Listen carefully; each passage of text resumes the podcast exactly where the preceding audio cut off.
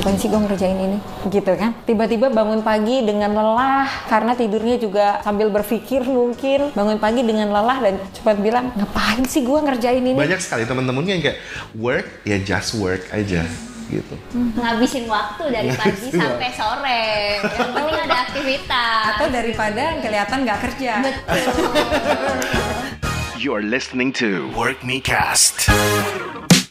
Hello my friends, selamat bergabung di Work Me Cast, episode pertama. Di podcast ini, kita bakal ngobrol berbagai hal tentang kesehatan mental di tempat kerja. Kenalin, gue Arif dari Bunda.id. Kalau dihitung dari pengalaman pertama gue di kelas 5 SD, kurang lebih gue udah ngejalanin sesuatu yang disebut bekerja selama 19 tahun. Di Work Me Cast ini, gue ditemenin Indi, lead of Work Me, yang juga praktisi di bidang psikologi industri dan organisasi. Lewat Work Me Cast, kita bakal belajar bareng berbagai expert tentang gimana caranya membuat kehidupan kerja lebih bermakna. Kalau tadi Arif cerita udah kerja dari kelas 5 SD, nah sebenarnya kalau ngacu ke Undang-Undang Nomor 13 tahun 2003 tentang ketenaga kerjaan, secara legal penduduk yang masuk usia kerja itu yang berusia di antara 15 sampai 64 tahun, di mana setiap pekerja punya kewajiban untuk bekerja 40 jam dalam seminggu. Jadi kalau dihitung-hitung, berarti kita bakal ngabisin paling enggak 11,67 tahun non-stop waktu di hidup kita buat bekerja. Nah, total waktu itu pastinya nggak termasuk meeting sampai malam, ngirim email pas weekend, nyicil materi presentasi di perjalanan pulang, atau tanggung nyelesain data pas lagi jamnya makan siang. Yang kalau di total mungkin justru jauh lebih banyak dari wajib kerja 40 jamnya. Waktu segitu banyak emang dihabisin buat apa sih? Karena memang ingin atau emang harus aja?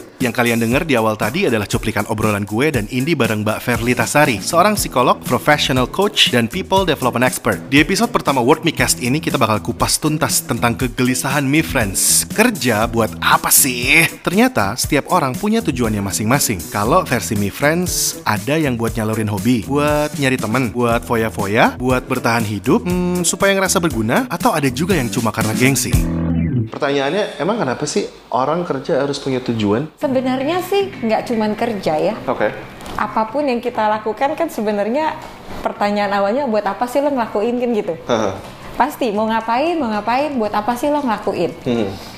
Eh, masalahnya juga nggak semua orang mau repot-repot untuk mikirin itu gitu ya ada yang "Eh, ngapain sih gue mikir-mikir ya udahlah dijalanin aja gitu dijalanin aja untuk satu dua kali dijalanin aja tuh oke tapi buat aktivitas yang kayak kerja tadi yang kita harus lakukan terus Selama menerus 11 tahun, mungkin 12 tahun. yes, Non-stop, kalau bisa non-stop. Iya, pakai tidur. Kayak tidur. ya itu jadi penting. Ya untuk aktivitas yang kita bilang, eh, misalnya kalau cuma pergi mau jalan-jalan atau mau nonton atau apa, kalau orang cuma bilang, udahlah nggak usah terlalu sibuk nanyain tujuan, gue cuma pengen mengalir, kan gitu ya sekarang ya, mengalir, Let it flow. let it flow, itu nggak apa-apa.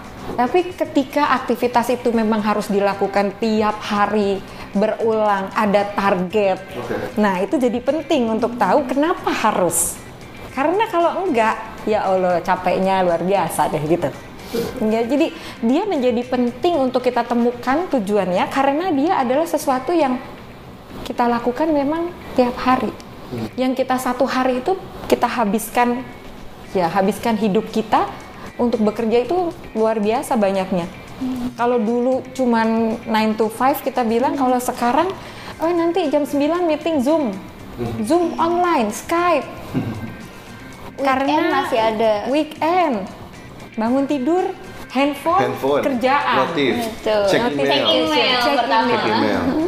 Yang sometimes kalau kita nggak punya kayak tadi istilahnya tujuan ini buat apa semuanya, itu yang suka membuat orang kadang-kadang jadi lost. Kalau kita ngomongin tentang meaningful life, Yes. gitu ya, meaningful life, itu kerja sebenarnya adalah salah satu sumber dari meaningful life. Sumber dari hidup bermakna itu ada di pekerjaan. Kenapa sesignifikan itu sih Mbak? Ya kita ngomongin ya, kalau dari sehari-hari itu karena satu waktu kita habis di situ, kemudian manusia itu kan pada dasarnya hidup mencari makna, pada dasarnya lah. disadari atau tidak disadari, manusia itu hidupnya mencari makna. Gini, gue melakukan ini untuk apa, untuk siapa, untuk apa, untuk siapa. Jadi kalau ngomongin uh, meaningful life kan satu dia didapat adalah dari kreasi sebenarnya, not only job yang di kantoran, tetapi kreatif values. Jadi bagaimana saya bisa menciptakan sesuatu berkarya itu adalah salah satu sumber makna hidup ternyata. Salah satu adalah kerjaan yang kita lakukan setiap hari itu pun karya kita. kan? Iya, itu kan berkarya namanya. Yes. Bentuknya bisa barang, bisa jasa, bisa apa pun, tapi itu namanya berkarya. Ketika orang merasa ada makna dari yang dia hasilkan, dia tahu itu buat apa. Nggak cuman istilahnya sekedar melakukan, tapi dia tahu buat apa. Itu beda di feelingnya dulu ya, kali pertamanya ya, di feelingnya secara personally gitu secara ya, Mbak ya? personal. Nanti lama-lama dia akan berpengaruh terhadap quality pastinya. Hmm. Tapi di awal dia berpengaruh terhadap rasanya dulu, kepuasannya dia, kepuasan dia dalam menghasilkan sesuatu. Gitu. Kan dulu zaman dulu mungkin kita pernah dengar ya cerita ada tiga orang menyusun batu bata. Yang satu ditanya, buat apa kamu menyusun batu bata? Aku lagi menyusun batu bata aja. Yang satu lagi kamu ngapain? Saya mau membangun tembok. Yang satu lagi kamu ngapain? Saya membangun istana Memaknainya beda banget ya, Mbak? memaknainya berbeda dan ketika dia hanya tahu bahwa dia cuma melakukan buat ini aja itu pasti akan berbeda rasanya dengan ketika dia tahu bahwa oke yang saya kerjain tuh sama-sama segini tapi ini punya tujuan apa ke depan? Untuk istana itu gitu untuk ya, Mbak? istana. Dan lebih dalam lagi istana ini buat apa nantinya hubungannya tuh panjang sebenarnya ya. Hubungannya pertama ke perasaan dia sendiri. Apakah dia akan mengerjakannya dengan happy atau terpaksa? Itu nanti kemudian berpengaruh terhadap satisfaction dia sendiri. Entah itu nanti lama-lama berpengaruh terhadap kepuasannya orang lain. Dan itu terakhirnya adalah apakah saya merasa sudah bermakna hidupnya? Wah jadi kelihatannya simple gitu ya. Cuman apa sih kok susah-susah harus dicari? Tapi ya gitulah runtutannya tuh jauh banget gitu. Kita hidup tuh nggak lama. Iya kita hidup nggak lama. Kalau melakukan sesuatu yang tidak bermakna sayang banget.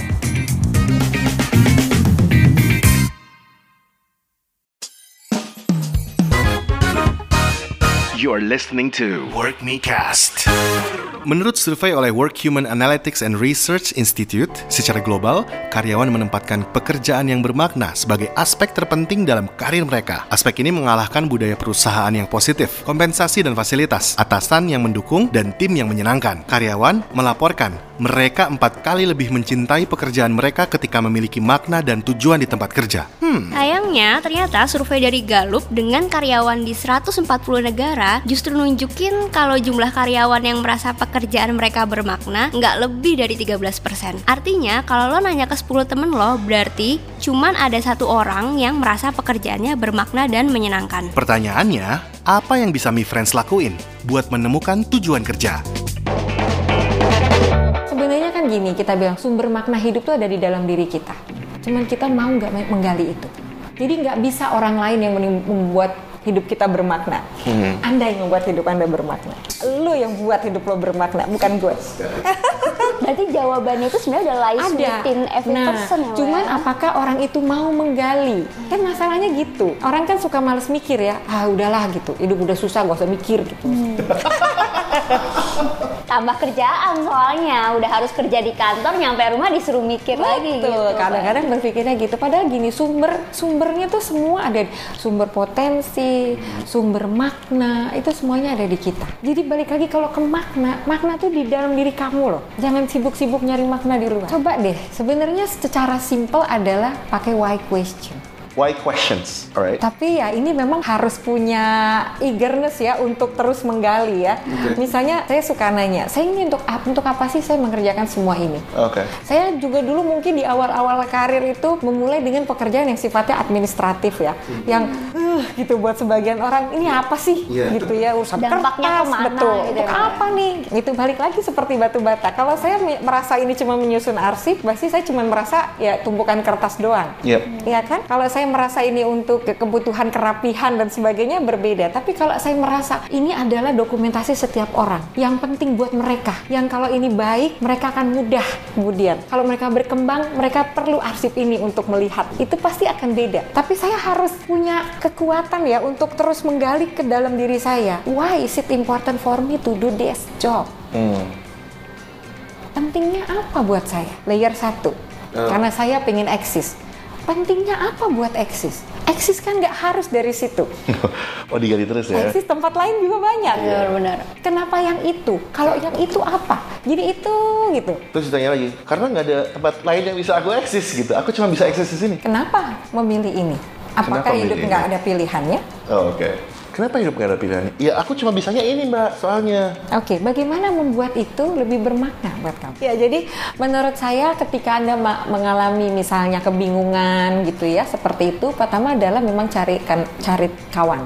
Cari kawan. Cari kawan yang menurut Anda ya jangan yang sama-sama bingung dulu ya. Oke. Maksudnya yang Bingung lebih berdua clear. nanti. Nanti dua-duanya bingung kasihan.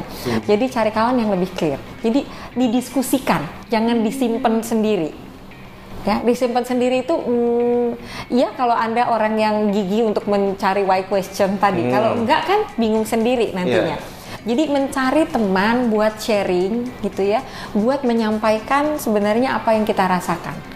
Karena sebenarnya gini, ketika orang menyampaikan mengeluarkan semua yang ada di pikirannya, itu kan sebenarnya dia pada saat yang sama dia mendengarkan kembali. Oke. Ya. Jadi kalau disimpan itu cuma muter-muter, muter-muter, muter-muter di kepala sendiri. Iya.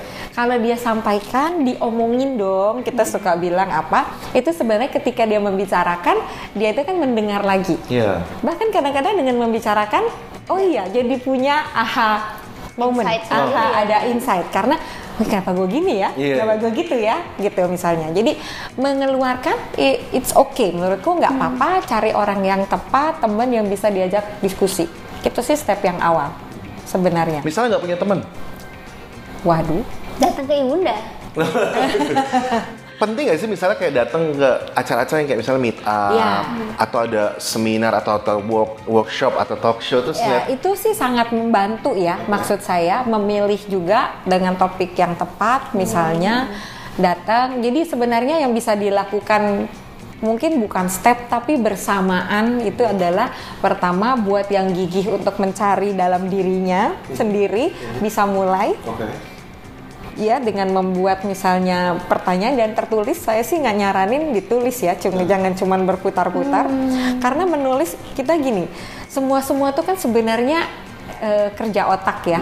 Dengan menulis kan sebenarnya juga menuangkan. Iya. Menuangkan itu anda mengaktifkan semua loh ya. Mengaktifkan motorik anda kemudian membaca lagi proses lagi di dalam brain kita gitu. Itu udah satu proses yang bagus kalau anda mau mau gigih mencari di dalam. Kalau enggak anda cari teman. Ngobrol. Ya cari teman ngobrol. Kalau enggak anda bisa datang ke event yang kira-kira berhubungan. Kalau anda punya bos yang cukup keren juga diskusi dengan Diskusi. beliau Oh juga iya, bagus. diskusi bener. ya misalnya bos-bosnya bosnya anda itu adalah eh, orang-orang yang mau mendengar gitu ya yang juga tertarik pada hal-hal seperti ini nggak cuma result doang yang dikejar. Mungkin juga diskusi itu bagus gitu. Jadi itu menurut saya hal-hal yang kita bisa lakukan. Atau ngobrol sama konselor di kantor kalau misalnya ada. kalau ada Kalau ada. kalau ada Kalau nggak ada mungkin bisa hire work nih ya. Oh enggak enggak enggak. maaf. Oh, maaf maaf maaf. Apa apa aduh kelepasan. Aduh maaf maaf. kan biasanya ada ya kalau di, kantor-kantor itu kayak employee assistant program Ya, gitu-gitu kan. sekarang banyak employee assistance program. Ya, jadi atau cari coach lah ya. Iya. Oke, Ah, iya. bisa bisa hire Mbak Ferry Ferry, juga jadi jadi coach Iya, kan iya, iya. gitu. Jadi jadi maksud saya eh, ketika Anda sudah mulai merasa kosong Oke. gitu ya tadi ya eh, segera segera tuh cari sesuatu yang lain. Membaca juga mungkin bisa membantu Yes. ya cari buku-buku mungkin buku-buku populer banyak kok sekarang menurut saya. Hidup ya begitu. Naik turun naik turun. Kadang-kadang kita menemukan kadang-kadang enggak. Begitu enggak berhenti dulu sebentar pause. Kita suka lupa pause dalam hidup. Jalan terus ya pause lagi tanya lagi ke diri saya isi apa yang saya mau? Benerkah ini pilihan saya? Gitu. Jadi pause dulu pause dulu. Jalan aja terus. Satu project-project lain satu activity-activity lain terus aja. Nggak pernah kasih waktu diri untuk jadi buat me friends yang mungkin sekarang lagi di titik terendah kehidupannya atau kehidupan berhenti dulu. kerjanya, berhenti, dulu, ya. berhenti dulu itu artinya kasih momen buat diri sendiri. Bukan me time ngobrol tapi ngobrol sama diri sendiri yang Gila. paling mahal tuh sekarang adalah berdialog dengan diri sendiri orang nggak punya waktu Karena kita selalu ngasih waktu ke orang lain ya mbak ya. apa ngasih waktu ke orang atau yang merasa sangat sibuk aja dikejar-kejar Apa yang mau ngejar sebenarnya? apa? Jaga apa? Siapa sebenarnya yang mau ngejar? Padahal nggak perlu lama juga. Iya. Ya kan kasih waktu dengan diri sendiri, duduk doing nothing itu mahal banget sekarang. Iya. Ya duduk doing nothing just Duduk doing nothing. Itu mahal banget sekarang. Iya, padahal nothing ya. doing nothing. Itu wah luxury banget gitu. Kasih waktu duduk ngobrol nggak usah pegang laptop nggak usah pegang handphone. Ya, Kayak di kamar mandi gitu kali ya, Mbak ya? cuma dialog aja sama diri sendiri. Hai apa kabar? Ya Allah Ferli apa kabar kamu hari ini? How do you feel? Ya kalau kita ketemu orang kan eh Mas Arif apa kabar baik pasti baik ya jawabnya ya even you are not okay Iya. tapi the automatic behavior-nya ya. kan adalah eh, baik. gitu. Kita mungkin sering banget tanyain apa kabar ke orang-orang ya. Tapi, Iya, apa kabar tapi ke diri apa sendiri? kabar ke diri sendiri itu gak Ya udahlah, dihitung berapa nggak kali? kayak ngapain sih ngobrol sama diri sendiri kayak gitu kan padahal ternyata banyak jawaban yang itu sangat fundamental untuk melanjutkan hidup Kita ini gitu ya, resourceful loh, Yep, kita ini resourceful. resourceful banget. But sometimes we don't realize that. Ada waktu tertentu nggak sih mbak kayak misalnya pas bangun tidur apa mau tidur atau di tengah jam makan siang Oh, itu sih menurutku tergantung Frekuensi frekuensi ya. setiap Hmm. orang ya. Oke. Frekuensi setiap orang. Ada yang bangun tidur, ada yang ketika mau tidur memikirkan apa yang udah saya lakukan hari ini. Apakah itu bermanfaat buat diri saya pribadi? Apakah diri saya itu bermanfaat untuk orang?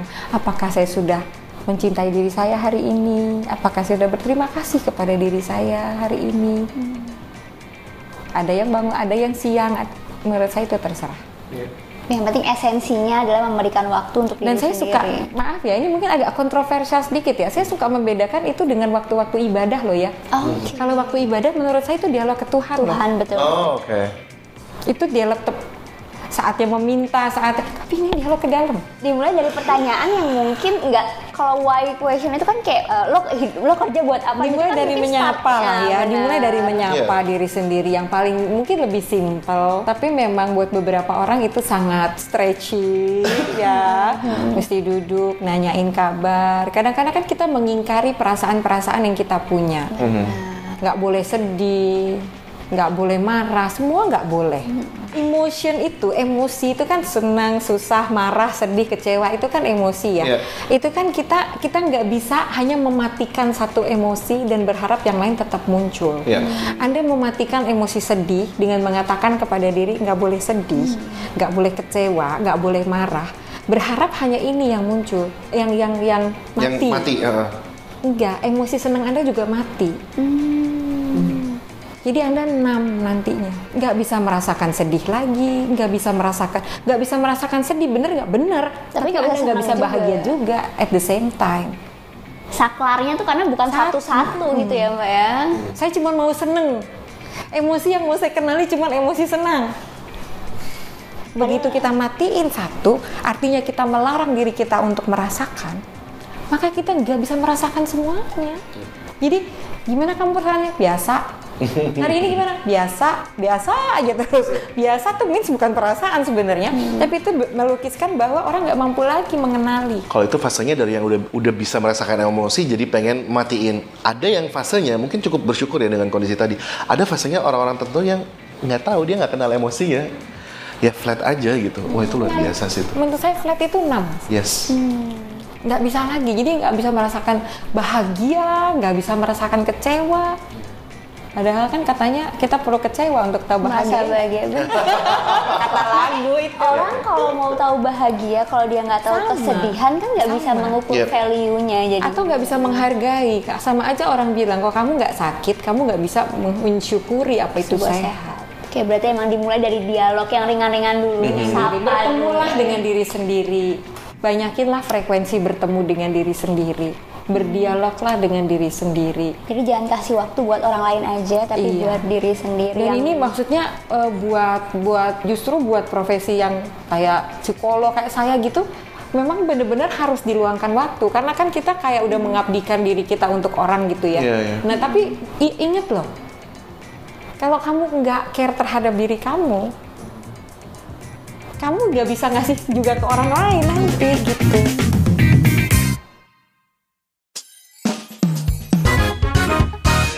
You're listening to Work Me Cast. Bagian terbesar dan terpenting dalam hidup kita adalah menemukan siapa diri kita sebenarnya. Menemukan diri sendiri mungkin terdengar seperti tujuan yang egois, tapi sebenarnya itu justru adalah proses yang tidak egois dan akar dari semua yang kita lakukan dalam hidup. Untuk menjadi orang yang paling berharga bagi dunia di sekitar kita, untuk menjadi pasangan terbaik, untuk menjadi orang tua ideal, kita harus tahu terlebih dahulu nih siapa sih kita, apa yang kita hargai, dan intinya apa sih yang sebenarnya bisa kita tawarkan untuk orang lain. Menurut Jenny Yip, seorang psikolog klinis dari Argosy University, yang perlu diingat adalah bahwa menemukan diri sendiri adalah perjalanan yang belum tentu memiliki tujuan. Ketika kita melewati masa transisi sepanjang hidup kita, kita akan terus mencari diri sendiri dan kita mungkin akan terkejut dengan hal-hal baru tentang diri kita yang kita temukan. Karena apa yang berharga dan bermakna pada setiap tahap kehidupan kita akan berubah dan berkembang seiring dengan perubahan dan perkembangan diri kita dan itu adalah hal yang wajar. Karena menemukan tujuan adalah sebuah proses berkelanjutan, kira-kira seperti apa ya gambaran perjalanan yang harus kita lewatin?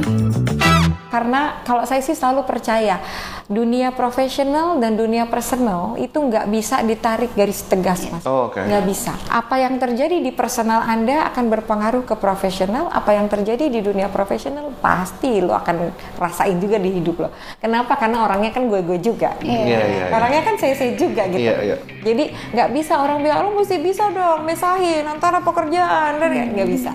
Jadi jangan-jangan orang yang nggak punya tujuan kerja itu karena Lihat juga hidupnya. hidupnya. gitu. Jadi selalu kalau kalau saya tuh kalau dalam program-program dengan karyawan gitu, kalau lagi wah ini kayaknya susah banget nih diatasi masalahnya. Lihat hidupnya. Hmm, alright. Jelek banget itu. Biasanya commonsnya apa sih mbak? Kenapa? Commons problem atau challenge sampai orang tuh nggak bisa menemukan tujuan hidupnya atau tujuan kerjanya kemudian. Hmm, interesting pertanyaannya. Commons-nya tuh apa ya? Atau emang nggak bisa ditarik ada tema general gitu? Emang tiap orang tuh akan punya problemnya sendiri. Krisis manusia modern itu kan kehilangan makna hidup sebenarnya. Oh, oke. Oke. Krisis manusia modern itu adalah kehilangan makna hidup. Bukan krisis moneter. krisis moneter itu hanya maksud kita itu hanya itu malah kalau dibandingkan dengan krisis makna hidup, krisis moneter itu sesuatu yang bisa di solve gitu. Iya. Dengan bertambahnya knowledge, pengetahuan gitu. Tapi krisis makna hidup itu karena krisis makna hidup itu ke dalam mencarinya. Even lo nggak akan mau nambah knowledge gara-gara masih ada itu kan? Iya. itu ada usia tertentu nggak sih mbak? Kayak kan ada tuh yang quarter, Quarter life crisis, iya. Ya. Nah, menyedihkannya sekarang itu adalah itu terjadi lebih cepat. Krisis misalnya orang bingung mau ngapain, dia hidup buat apa, nggak tahu lagi sampai ada misalnya anak-anak sekolah kemudian berpikir, gue jadi pengen tahu kalau gue mati orang tua gue sedih nggak ya? Oh wow. Gitu. Iya, pertanyaan-pertanyaan yang dulu mungkin zaman kita masih SMA gitu nggak Nggak terbayang kepikiran. gitu oleh anak-anak SMA sekarang terbayang. Jadi betapa krisis makna hidup itu makin earlier terjadinya. Jadi mulai dari krisis makna hidup, nah nanti krisis makna bekerja. Tapi makna bekerja itu ya tariknya kalau saya tariknya adalah makna hidup jadinya. Orang bisa saja kita bilang, oh dia eh, jualan misalnya, tapi dia merasa itu sesuatu yang bermakna dan dia merasa lebih puas dengan hidupnya. Ini kerja atau keren-keren gitu ya dengan sistem yang sangat modern teknologi tapi kosong. Padahal gajinya udah 2-3 digit gitu ya mbak ya. Luar biasa kalau dibandingkan dengan misalnya teman-teman saudara-saudara kita gitu yang jadi pedagang keliling Iya. misalnya ya. Tapi mungkin mereka merasa itu lebih bermakna. Mereka masih punya benar-benar ngerasa itu meaningful. Ya makna itu bisa macam-macam sih mbak. Bisa dari misalnya kita men- menelisik ini gunanya buat orang apa, gunanya buat saya apa, gunanya buat orang apa. Nah yang paling fundamental yang sering aku temukan adalah kenapa lo bekerja ya supaya gue bisa hidup. Paling enggak, aku bisa hidup, aku bisa mem- me- menafkahi keluargaku. Oke, seberapa penting keluarga? Oh sangat penting misalnya banyak bilang wah penting banget buat aku soalnya kalau kalau misalnya aku nggak bekerja ya keluargaku nggak hidup Dan kalau keluargamu nggak hidup maka? Maka aku akan sedih. Dan aku akan merasa jauh lebih tidak berguna dari sekarang. Tapi mbak pekerjaan yang sekarang itu nggak gue banget. Apa sih kerjaan yang aku lakuin sekarang tuh kayak yang ya aku ngerasa kayak mediocre aja gitu. Hmm, tapi itu paling nggak udah lebih bagus. Itu udah, udah lebih bagus ya? Karena dia ada keluarga sebagai uh, Oh, tujuannya. oke. Energizernya gitu. Iya, dan itu juga sebenarnya sebuah makna. Itu kan sebuah makna. Tinggal sekarang let's create another opportunity mungkin untuk yang sesuai dengan misalnya keinginan dia. Hmm. Tapi untuk untuk eh, level tertentu menurut saya itu udah bagus Oke. dibandingkan kerja kerja aja daripada nggak ada kerjaan. Ini kerja tapi ada keluarga yang saya bela, Hmm. yang saya perjuangkan. Itu juga sumber energi. Itu juga sumber makna hidup.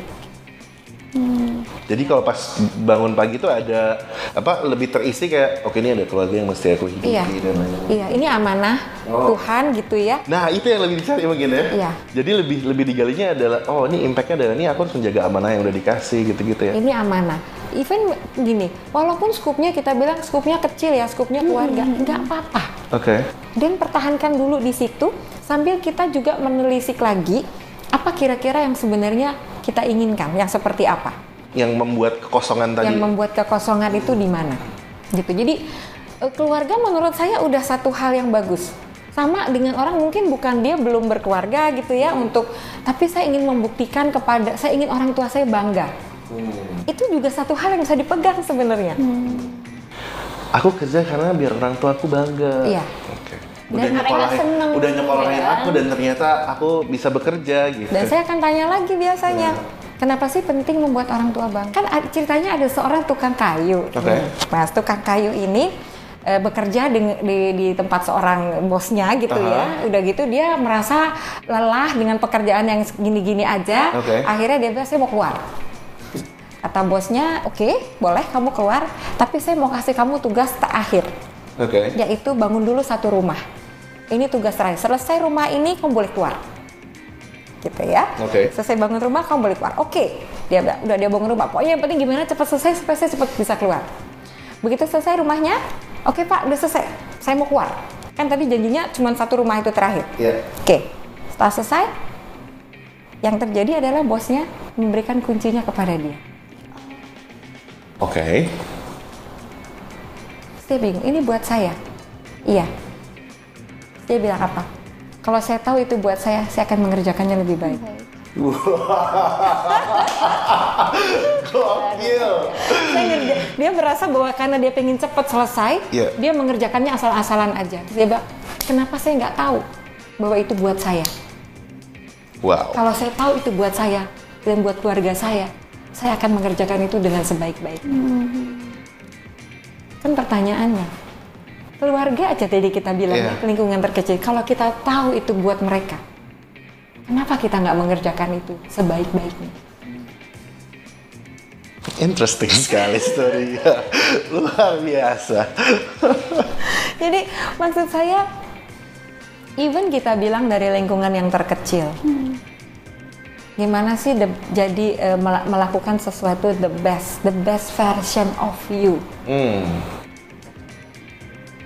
Coba deh gitu menghasilkan sesuatu yang terbaik. Itu kan akan bikin orang tuamu bangga, keluargamu happy, anak-anakmu orang yang pengen jadi role model buat anak-anaknya.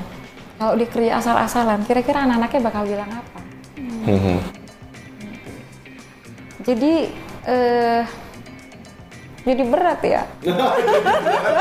Kalau itu kan mungkin orientasinya masih ada ada sesuatu di luar diri gitu mbak. Buat orang yang orientasinya diri sendiri gitu, boleh nggak sih mbak sebenarnya?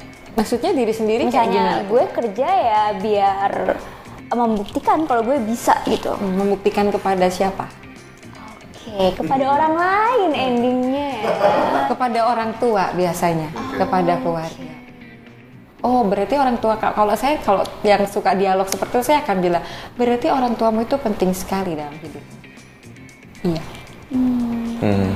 So why don't you make them happy, proud of you? Dan kalau dia lagi drop, saya cuma bilang kira-kira kalau orang tuamu tahu apa yang dia rasakan, nggak usah dijawab.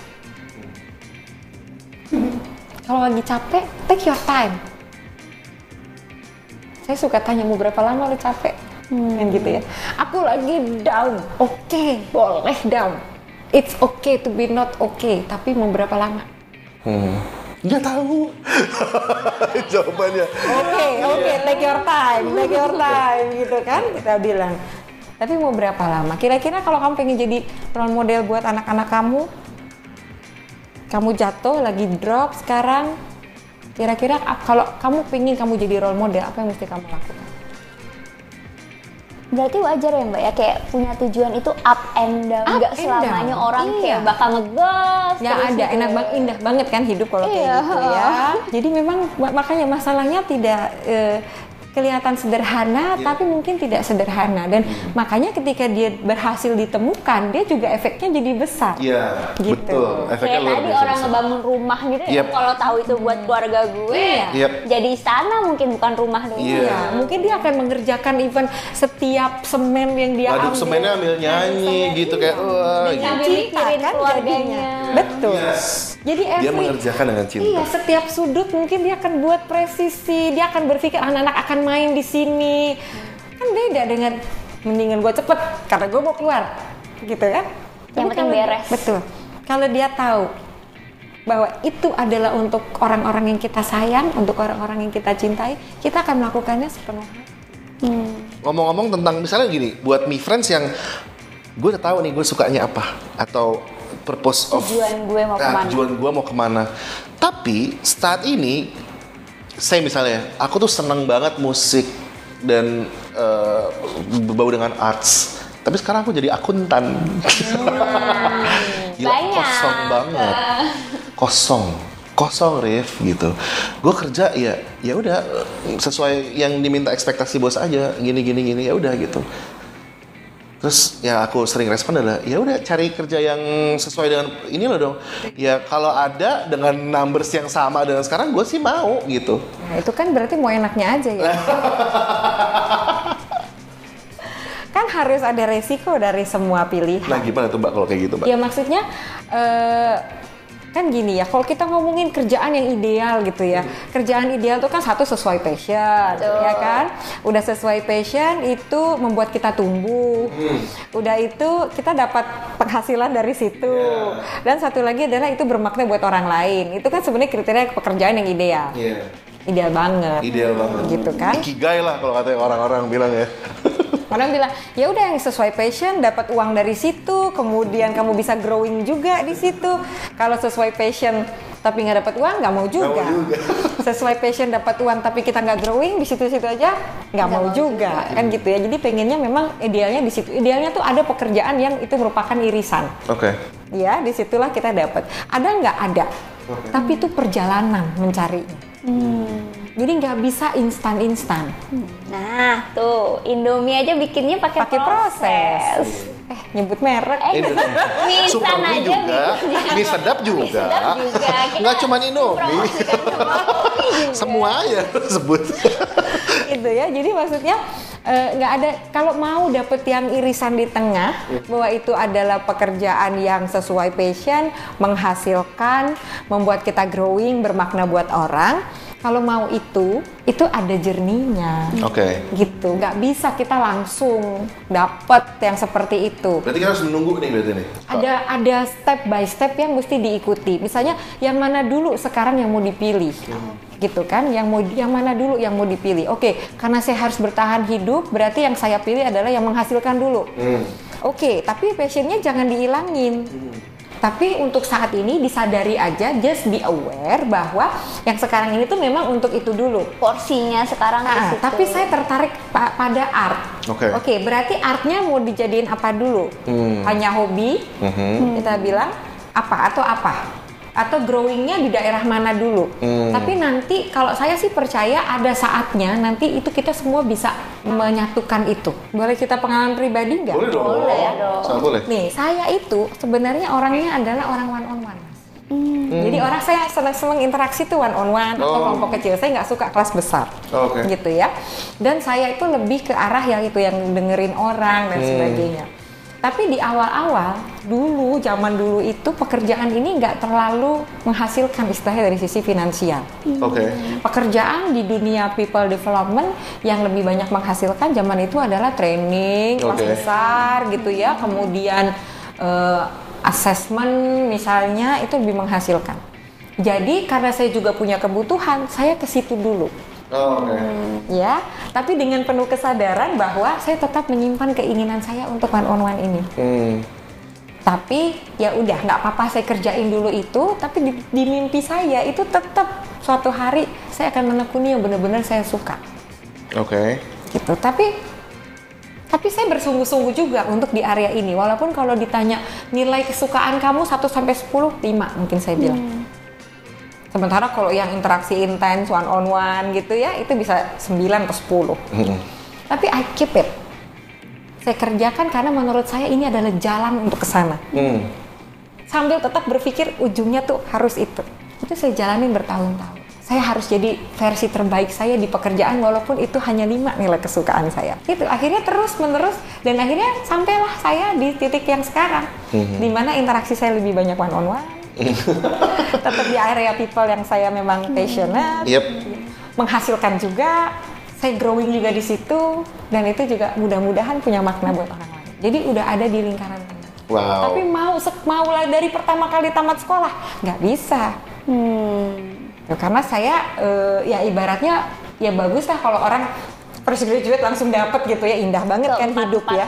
Nah, tapi kadang-kadang kita ya kita perlu membangun network dulu, Iya. kita perlu mengumpulkan eh, keahlian atau skill-skill yang lain dulu. Tapi tetap di ujungnya itu yang kita bayangkan. Dan yang paling penting harus mau berkorban ya. Oh iya pasti. Pengorbanannya luar Ada biasa harga. banget. Ada harga. Ada harga. Maksud saya seberapa kita bersedia juga untuk menjalani prosesnya itu juga jadi penting. Hmm. Ada pengorbanan pasti, ada harga pasti yang harus dibayar. Tapi kalau kita ngelihatnya ke ujung, ini nih yang saya mau. Big picture. Pertanyaannya, kamu mau nggak ngejalanin prosesnya? Yes. Gitu. Mau nggak ngejalanin prosesnya? Jadi nggak ada instan-instan lah di dunia kapan pun menurut saya. Jadi nggak bisa, tapi aku pengen ini, aku pengen ini juga. Oke, yuk kita jalanin prosesnya. Hmm. Kayak biasanya kayak seumuran aku nih ya, kayak baru Emang umurnya berapa? baru-baru menjamah dunia kerja gitu kan kadang orang selalu bilang idealis banget sih pengennya kerjaan yang kayak gini kayak gini Iya. padahal sebenarnya ideal itu kondisi ideal tuh emang dibutuhkan tapi kemudian kita harus realis juga ya mbak ya kayak oke idealnya ini baru bisa kalau nanti 5, 10, 15 tahun ke depan dalam 1, 2, 3 ke depannya yang harus gue kerjain yang realistisnya dulu kayak gitu Tapi keep your vision itu Bener. tetap Yep. ada gitu. Jangan itu yang dihilangkan. Saya nggak setuju juga ketika yang diganti visionnya. Jangan. Tapi kesediaan Anda menjalani proses itu benar-benar luar biasa. Jadi, nih friend sekarang harus udah mikir nih big picture-nya dalam bekerja tuh saya apa? pengen pengen ahli apa sih? Saya apa sih aktivitas yang benar-benar membuat saya merasa hidup Yep. gitu. Itu yang mesti dipikirkan bahwa itu eh, kita merintis jalannya dari sekarang nggak ada masalah kan? Tapi itu tetap menjadi impian kita gitu. Dalam bukunya Positive Leadership, Strategies for Extraordinary Performance, Cameron menyebutkan ada empat atribut kunci dari pekerjaan yang bermakna. Pertama, pekerjaan yang bermakna memiliki dampak positif yang penting pada well-being individu secara umum. Kedua, pekerjaan yang bermakna berkaitan dengan nilai pribadi yang penting bagi individu. Ketiga, pekerjaan yang bermakna memiliki dampak panjang atau menciptakan ripple effect atau efek riak. Dan terakhir, pekerjaan yang bermakna membangun hubungan yang suportif dan sense of community. Persepsi tentang pekerjaan yang bermakna ini ternyata bisa berasal dari karakteristik intrinsik pekerjaan itu sendiri atau dari misi dan nilai-nilai yang dimiliki organisasi. Jadi buat punya meaningful work, kita harus bisa lihat konteks yang lebih luas juga ya Rif Yang dalam hal ini adalah tempat kerja kita berarti Nah penting dong ya berarti untuk manajemen memastikan kalau karyawannya emang punya tujuan yang sejalan sama arah perusahaan You're listening to Work Me Cast. kan gini ya, orang kan tersiksa ya kalau punya values yang berbeda dengan values organisasi. I- Ideally itu sebenarnya harusnya ada irisan. Oke. Ya. Seharusnya ada irisan. Ada irisan karena gini, ini values organisasi sebelah sini, ini values individu. Kalau sama sekali nggak ada irisan, justru itu yang membuat sebenarnya turnover jadi besar. Iya. Karena orang merasa gue ngapain ini ada di sini gitu kan? Batinnya tersiksa juga Ah, ya Mbak. ngapain gue ada di sini? Makin dia ada irisan, itu yang sebenarnya makin membuat orang bisa bertahan. Nah, ketika kita menyadari ada sesuatu yang value saya berbeda dengan values organisasi, pertama adalah cari ada gak yang sama. Cari kesamaan deh, jangan cari perbedaan. Ya, kita kebiasaan seneng banget cari perbedaan. Karena lebih gampang Pasti. Kan values tuh nggak satu ya. Biasanya values organisasi tuh banyak ya, walaupun kadang-kadang cuma tempel tembok doang gitu Betul, atau di website sih Mbak biasanya atau di sekarang. ya, tapi maksudnya cari, apa sih yang saya daripada saya tersiksa apa kira-kira yang samanya sama saya? Apa values dari organisasi yang saya masih bisa buy in dengan itu? itu mesti dicari apa? Oh di sini ada kesempatan untuk belajarnya banyak saya orangnya senang belajar. Oke masuk, Masuk. gitu ya. Satu. atau heeh. atau misalnya oh company ini adalah company yang selalu memberikan challenge selalu siap untuk ngasih challenge saya senang di challenge ya atau company ini punya values community development saya sangat peduli sama itu yang lainnya sih saya nggak suka tapi saya di satu itu tuh saya benar-benar suka jadi proses menemukan itu tapi kalau sama sekali berbeda saya sih nyaranin cari aja yang lain yang value-nya sama ya Ah, oke. Capek. Capek ya? Daripada yang dikejar nggak tahu apa Hmm. gitu ya mbak ya. capek karena setiap hari akan terjadi pertentangan. Kalau values-nya berbeda banget gitu, artinya sama sekali nggak bisa dicari irisannya. Values-nya ini pelayanan misalnya. Eh, pelayanan adalah nomor satu. Sementara buat saya Komersil. komersial nomor satu. Salah nggak? Enggak. Enggak. Enggak Kan salah. Nggak Nggak jodoh salah. aja gitu ya mbak ya. Values tuh nggak ada yang salah. Namanya values itu makna, bernilai. Namanya nilai itu nggak ada yang salah. Masalahnya adalah nggak sama aja, nggak sejalan, nggak align. Ya Anda harus mencari alignment. Kalau nggak mungkin mencari alignment, dicari aja yang lainnya sama. Sesimpel itu sih. Atau. Anda mempertahankan hidup Anda di situ. Tiap hari bergejolak. Aduh capek lah. Dengan kekosongan dan pertentangan dengan diri. Alangkah menderitanya kan. Tapi memang kalau misalnya dari sisi employers gitu, untuk bisa firm tahu si employees-nya itu satu value dengan si company-nya itu sebegitu impactful-nya kah gitu? Yang akan terjadi gitu. Misalnya semuanya tuh bener-bener sama gitu satu value dan satu eh, nafas bareng nih gitu. geraknya lebih lebih enak sih. Geraknya lebih enak konflik lebih mudah di manage gitu ya. Jadi manage bukan nggak ada konflik tapi konflik lebih mudah di manage karena ketika terjadi konflik kita ngebalikinnya kan ke values lagi jadi bukan ngebalik bukan hanya konflik kan bisa jadi di tataran eksekusi juga bisa konflik gitu. Tapi kalau misalnya konflik terjadi di tataran eksekusi kita balikin lagi ke values biasanya nah kalau valuesnya beda mau dibalikin ke mana Malah jadi bahan berantem jangan-jangan ribut. valuesnya. gitu Oke, jadi ada satu lem istilahnya ya. ya yang merekatkan betul Jadi jadi gue bisa. Jadi gue bisa relate sama lo, oh oke kita satu vision soalnya Walaupun eksekusinya mungkin beda, Beda. kayak gitu kita berantem di eksekusi nggak apa-apa tapi jangan berantem di values dong gitu loh Kan gue udah bilang harus dilayaninya dengan baik, lo mikirnya duit doang sih Nah, Dan itu. ini ya sih mbak akan terjadinya harmonisasi yang mungkin bisa misalnya contoh ya leadernya nggak ada, tapi di satu sisi harus memutuskan sesuatu. Nah si anak buah tuh udah bisa memutuskan sesuatu yang ini pasti kalau bos gue pasti yang gini. Iya kayak gini gitu. iya bisa ke situ arahnya Si otomasi otomasi itu mungkin kan terjadi gitu. ketika itu kemudian sudah internalize kan orang sudah sama-sama sadar kita bergerak karena apa Oke. kan gitu ya jadi kan kesadaran bersama nih Iya. kita bergerak karena apa gitu Kita bergerak karena apa? Nah itu akan memudahkan banyak hal sebenarnya. Jadi kan eh, saya pernah baca ya, kalau values sudah ditemukan, sebenarnya pembuatan keputusan itu akan jauh lebih mudah. Konflik lebih di tataran eksekusi biasanya. Konflik di eksekusi itu lebih Teknis. lebih teknis, lebih mudah diatasi dibandingkan konflik di tataran values gitu. Jadi sekarang nih friends yang punya anak buah, yang punya employee harus mikir juga nih anak buah gue. Even mulai dari startup loh ya. Kalau Oke. ketika kita sudah melibatkan orang itu namanya kita udah harus mencari values yang sama loh. Jadi nggak harus berpikir udah company besar loh ini ya. Iya betul, betul sekali. Itu ibarat kayak nyawa sih kalau menurutku. Apa sih mbak pertanyaan yang bisa diajuin si leaders buat tahu sebenarnya align nggak sih nih kita values berdua gitu. Eh, jadi gini, kalau yang namanya dalam satu institusi values itu kan selalu dari atas ya.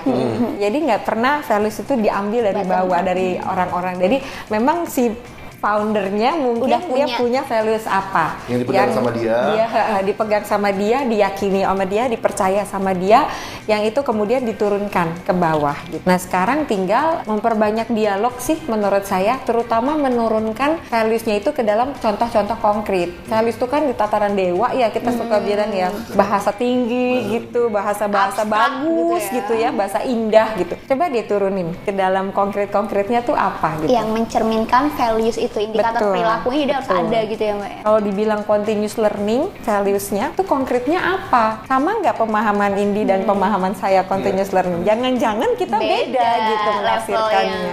Jangan-jangan malah korporat-korporat besar pun belum tentu udah punya values Yes, yang right. firm yang itu diinternalisasi semua karyawannya gitu. Betul, kadang-kadang itu eh, punya di website gitu ya. Betul. Tapi ketika kita kumpulin misalnya para petinggi atau foundersnya ternyata beda Nggak loh. tahu juga valuesnya. Yes, itu penting juga. ya. Kita udah punya values kok, tapi apakah sudah ditranslate dengan baik dan sama bahasanya dengan yang semua? Pemahamannya juga ya. Pemahamannya. Ya, that's right. Dan itu gimana mau dikomunikasikan ke bawah Ya, Kalau di atasnya aja belum udah sama. bingung, gitu.